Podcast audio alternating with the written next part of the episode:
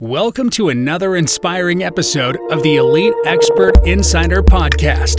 Hosts Melanie Johnson and Jen Foster are the owners of Elite Online Publishing. They're both Wall Street Journal, USA Today best-selling authors. We're really glad you're here because this podcast was designed for you. Meet industry experts that share their secrets and strategies. Get successful results for your business in money, relationships, health, and your life. Each episode is going to inspire you to take action towards reaching your greatness. Hey everyone, thanks for coming today. This is Melanie Johnson along with Jen Foster. Hey Jen. Hey everyone, how's it going today? Well, we have a surprise today, but before before I tell you that, make sure you subscribe to our show and leave us a comment and turn on your notifications so you can know when you're going to get us. We're on YouTube as well as all the places you can get your podcast from. So today we have a really I, I want to call it one of the best kept secret secrets, I think, in business. Um, you might not think about that. So many people have side hustles today, or even it might be an, a main hustle that you're selling something online, you're created an online business, and then you're like, okay, well, I, I don't want to do it anymore. And you just kind of let it go. Um, Jen and I have books that we have that we never even thought of selling off to someone, you know, that we published. But we had this inside secret. You were going to see a way that you can take a business that you already have that you could sell it for you know, usually a business, a multiple, if you're selling it for five to 12 times cash flow is big, like 12 times cash flow is big. We're talking 35 to 58 times cash flow these businesses are going for. So if you want to learn more, you better stay tuned right here. We have Gregory Elfrink with us from Empire uh, Flippers, and we are going to talk about this best kept secret. Thanks, Gregory, for coming today. Hey, thanks for thanks for having me. I'm I'm glad to be here. Hopefully, I'll be able to add some value to the audience. Great. Well, tell us a little bit about your background and where you came from, how you got into the flipping businesses space.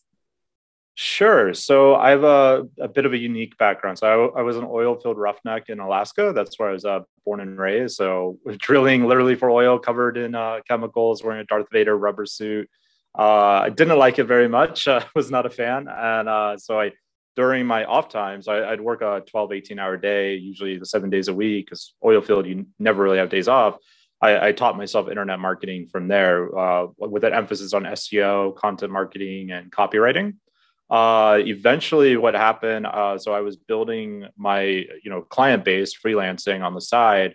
Eventually, what happened is I saw a job posting from Empire Flippers, which I knew because I was obsessed with everything to do with internet marketing. So I knew like all the players, read all the blogs, all that stuff, and they were looking for a content marketer. So I thought, well, here's a job I'm not going to get because I have no college degree or nothing like that. So usually I just get like filtered out and rejected, right?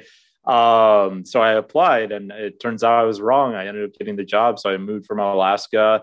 Uh, at the time, the founders were uh, living in Southeast Asia because we're completely remote.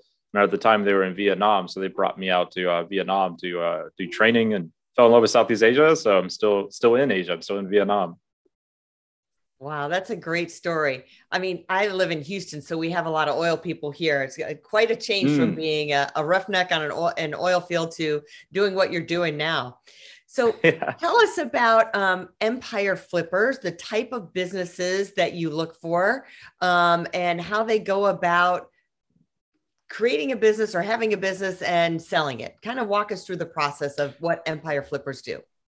Sure. So, uh, what we do, we're, we're, the largest curated marketplace in the world now for people who want to buy and sell online businesses, right? So, that's anything from, say, an e commerce store, an Amazon FBA business, a, a KDP business that we, we were talking about a little bit offline, uh, to affiliate sites, even apps, Shopify apps, uh, iPhone apps, SaaS businesses, you name it we sold a bit of everything uh, at this point over the over the six years are primarily uh, digital businesses. So in order to sell a business, like the first thing is that like it has to be making money, right? Like almost everything except for SaaS businesses, uh, which are a little bit different, are based off of an EBITDA or an SDE kind of valuation, and mm-hmm. those are just like fancy acronyms that mean kind of the same thing for most people in the space because like the two differences of valuations aren't really wildly different from each other so don't worry about it uh, but your valuation would be based off of your uh, your average cash flow your average net profit uh, we look at it um, on a monthly basis so i know you said uh, earlier the best kept secret with the uh, multiples right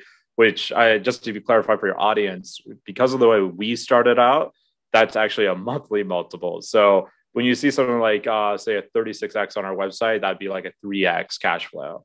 Um, now we do sell things up to seven and eight x. I think the biggest thing we've ever sold was like nine x. Uh, like I think that was last year, but that's the basics of it. So when you have the a business making money, you want to sell and you want some help because to be honest, selling a business is a very rare event in an entrepreneur's life. It's what I call a highlight event. You come to someone like me uh, and my team, uh, and you get access to our marketplace, our buyer network of six billion dollars, and you get access to our M&A advisory uh, consultancy, right? So that's what we help entrepreneurs with, which awesome. could be difficult for an entrepreneur to do on their own. So we I, yeah. we try to protect the entrepreneur. Right. And then how do you know like if your business is even worth anything? Because I think a lot of entrepreneurs, especially the ones I know, even the brick and mortar ones, you know, they just close their doors because they're like, it's not worth anything because it didn't make a profit or, or didn't or did, you know, you know, back and forth because most businesses are up and down. So how do you know if your business is worth anything, whether it's an offline business or an online business? Very good question. So uh, a lot of entrepreneurs feel that way. Uh, and I think part of it is because, uh, especially in the online world, but a little bit in the brick and mortar too, is like sometimes these businesses are started as a side hustle. And so you just always think of it that way. Even like I have friends in the Amazon FBA space, for example, they have a four, five, six million dollar business, but they're still in their in their mind, they're thinking of it as the side hustle because it was. That's how they started it uh, and just they never grow out of that mindset of like, oh wait, no, I accidentally built a little empire here. Mm-hmm. Um, so the first thing to see if it has value is does it make money? It does it have a good solid net profit? Is it uh, growing or at least staying stable? Declining, you can still sell a declining business, but it's more difficult, obviously.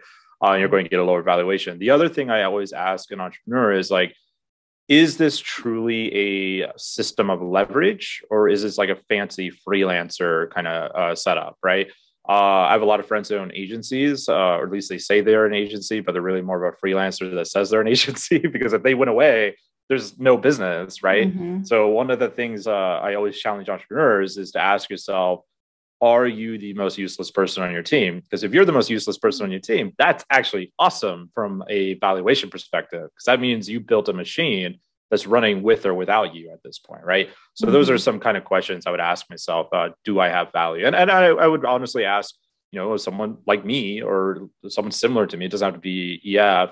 Do, hey, does my business have value? Because you might be on the cusp of having a really good value, but it, there might be something wrong, right? Like for for example, if someone's making a lot of money but they're only say uh, you know 13 15 month old business like yes that is a sellable business but you're going to have a hard time selling that especially if it's like over seven or eight figures at that uh, duration because the history is so small versus like a 24 36 month old business now you're in a much more sellable position that makes sense because if it's just a young company then it's not really going to be you know they don't think that it has that the sustainability versus 36 right. months. So 36 months is kind of the um, the threshold you're saying is the better threshold and easier to sell. Yeah, uh, I, I think you can get away with like 24 months, but I wouldn't really recommend younger than 24. Most okay. businesses we see are between 24 and 36 months. Uh, okay. And the lot more data you have, usually that helps your valuation because uh, history, obviously, like the past doesn't predict the future, right? But it does right. like let you know, like, hey, if I had if I had this FBA store for say three years, I probably have mm-hmm. seen a lot of crazy stuff that Amazon's changed, and I know I survived it, yeah. and that predicts mm-hmm. that you can survive the future too, or helps. How do you um, position yourself? Like you're thinking, okay, I want to get ready to do this. Um, what are some of the top things that we should do? Is it clean up the back end? Is it to make sure our processes are in order? Like, what are some of like the laundry list of things we should do before we sell? Yeah, yeah. So it depends on your timeline to sell. So the closer you get to actually selling the business, you should do less like fundamental fundamental changes. Let's say you had like 18 months, you had a long, you know, track record or long roadmap ahead before you decide to sell, right? Mm-hmm. Things I would do is looking to scale up uh, different traffic sources. So traffic diversity. So if I'm running a business and 100% of my leads or customers are coming from Facebook ads, well, that's fine as long as I still have a Facebook ad account, right? But what happens if my ad account goes away? Well, now I don't have a business, right? Or pretty have a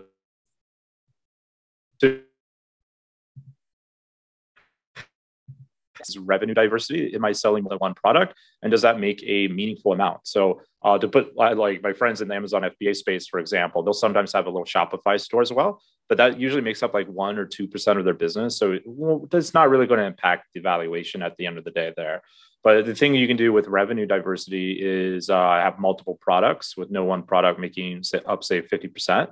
Uh, you can definitely sell one product only business. It's just riskier for the end buyer. And some buyers are okay with that, but usually you'll get a better multiple. You have, you know, multiple products. Now, as you get closer to selling, uh, say you're like three months out, you don't want to do any of that stuff I just uh, mentioned because like you don't want to rock the boat. You want to kind of maintain the sales of the ship, right? Um, so things I would focus on is the thing every entrepreneur, at least solo entrepreneurs, absolutely hate, which is your SOPs. like write yeah. them out, your standard operating procedures, because that is really a buyer's manual of how to operate your business. Like if you can write an mm-hmm. SOP that it, like you can just give it to someone and they could do like 80% as good of a job as you, that's a success in my book. And that goes back to the machine analogy I was talking about, building something with leverage. So SOPs and another one that's really tedious but extremely important is your numbers, your bookkeeping, your profit and loss statements, all that kind of stuff. But we find that most uh, entrepreneurs really struggle with this because most entrepreneurs are more creative than like you know numerical in the books, all that kind of stuff. Which I get. I'm that way too. I'm a marketer, right? So I'm hyper creative, which means I'm usually bad with the numbers aspects of stuff. My head is in the cloud. So uh, I always recommend entrepreneurs if you don't use someone like us, because we will build your profit and loss statement for you. But if you don't use us, find a bookkeeper and not just like any bookkeeper, find a bookkeeper in your industry. So if you're an e commerce person, find one who has a lot of experience with that. And one of the most important things is to switch all the books over to accrual uh, instead of cash basis accounting. Like a lot of entrepreneurs do cash based because it just is easier in a lot of ways but accrual can literally be the difference of hundreds of thousands of dollars when you go to exit. Mm. Okay. That's interesting. And then oh, go ahead, Jen. I was just going to say so a lot of people listening probably are going to have to get out their Google or their dictionary because all these acronyms thrown around, they might not know what they mean, but that's okay because we have Google today. So you don't need to know what AFB is, right? or A. Oh, sorry. A, yeah, F, FBA is just a business FBA, model. It's uh, fulfilled by fulfilled by Amazon. So that's a business model where someone is like a e-commerce store that is selling a product on Amazon. Right. Yeah. And SOP is system of operations, right? System of a yeah, standard operating procedure. Standard operating procedure. Yeah. Yes. Yeah. So, yeah yeah and we've worked on that in our business over and over again is getting that that all all together your processes and your systems i love that yeah mm-hmm. and then i was going to ask you so um at three months out i remember we um, my my former father-in-law sold his television station and we didn't know that he was thinking about selling it at the time. And so he stopped buying new programming and we're like, why mm. are you not buying this new programming? Like, this would be killing it. This would be great. So, what he did, he started to position himself to take debt off the books. So, it made his cash flow look higher. So, I think that might be another tip is to limit your expenses, right? Go through all your expenses, cut where any expenses that you have to boost your profit up so you show you're even more profitable. Absolutely. So the way that usually uh, plays out in our space, in the online business space, is experimental marketing.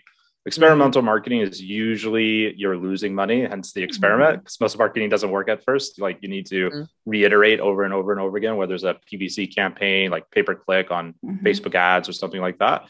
Uh, so usually that would be experimental marketing. Other things is like launching new products. So if you're a e-commerce store owner or even you know running a publishing business, you may not want to launch like a brand new book or new product because of all the extra advertising that has to go in to prove that product if you're about to sell. Instead, what I usually recommend is say you have, I don't know, 10 products or some crazy number, like I really want to launch these products. You can give those to the buyer as a bonus. Like, hey, look, this is the roadmap.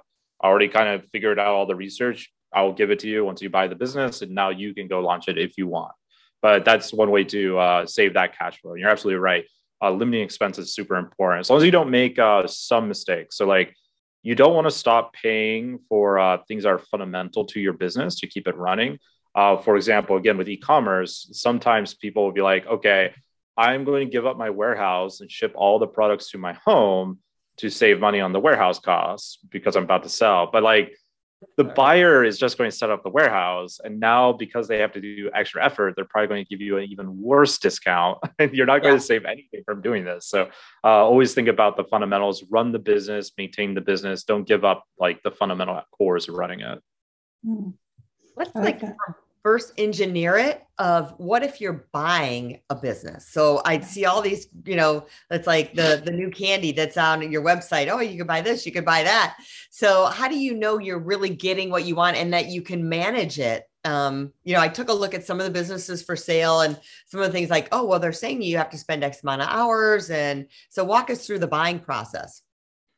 Sure. So uh, one thing on hours spent is usually entrepreneurs underreport how much they're working on a business. So you're seeing something like four, eight hours a week. It's probably closer to like 15 to 20 hours a week, which is still not a lot. But when it mm-hmm. comes to you as a buyer, I, I, would always expect to work probably double whatever that is, at least for the first month as you figure things out. Uh, but the first things I tell any new buyer is let's first like ask what are your goals. So your personal and your business goals are like the, it sounds a bit woo woo, but I think this is extremely important to know what are you what are you trying to achieve, right? Like, are you buying a business because you know you want to be a lifestyle entrepreneur on the beaches of Thailand, right? Or are you looking to like scale a massive startup in Austin or something like that with like you, the business you're buying, right? So that's the first thing. Ask yourself like, what are you looking to do from a lifestyle perspective, and then also from a business perspective, like do you like handling physical products? If you do, then e-commerce is great. If not, then you should probably avoid that entire business model, right? If you hate that concept, right? So that's the first thing. Um, know what you want. Then list out what kind of skills you already have. So if you have a background in marketing, that's fantastic. A lot of times when I ask people uh, uh to like list their skills, they're like, I have no internet marketing skills, so I, I'm out, right? Like, but that's not true because most people have a lot of skills from their daily life that they can apply to businesses. For, for example, uh, running an online business, I think the most powerful skill you can have to build real wealth is understanding how to delegate and manage people. I think that is absolutely the most like core wealth building skill as an entrepreneur because that's all mm-hmm. part of the machine aspect again, right? Um, so there's a lot of skills that people already have that they never think about that they can think about just a little bit differently. And now, like, okay, I understand this now. Um, the next is budget, understanding what your budget is. And there's two things there's uh, working capital and acquisition capital. So, acquisition capital is how much money do I actually have to spend on a business to buy? And working capital is how much money am I keeping in reserve for my like, oh crap moment? Because that happens an entrepreneurship, right? It's a roller coaster all the time.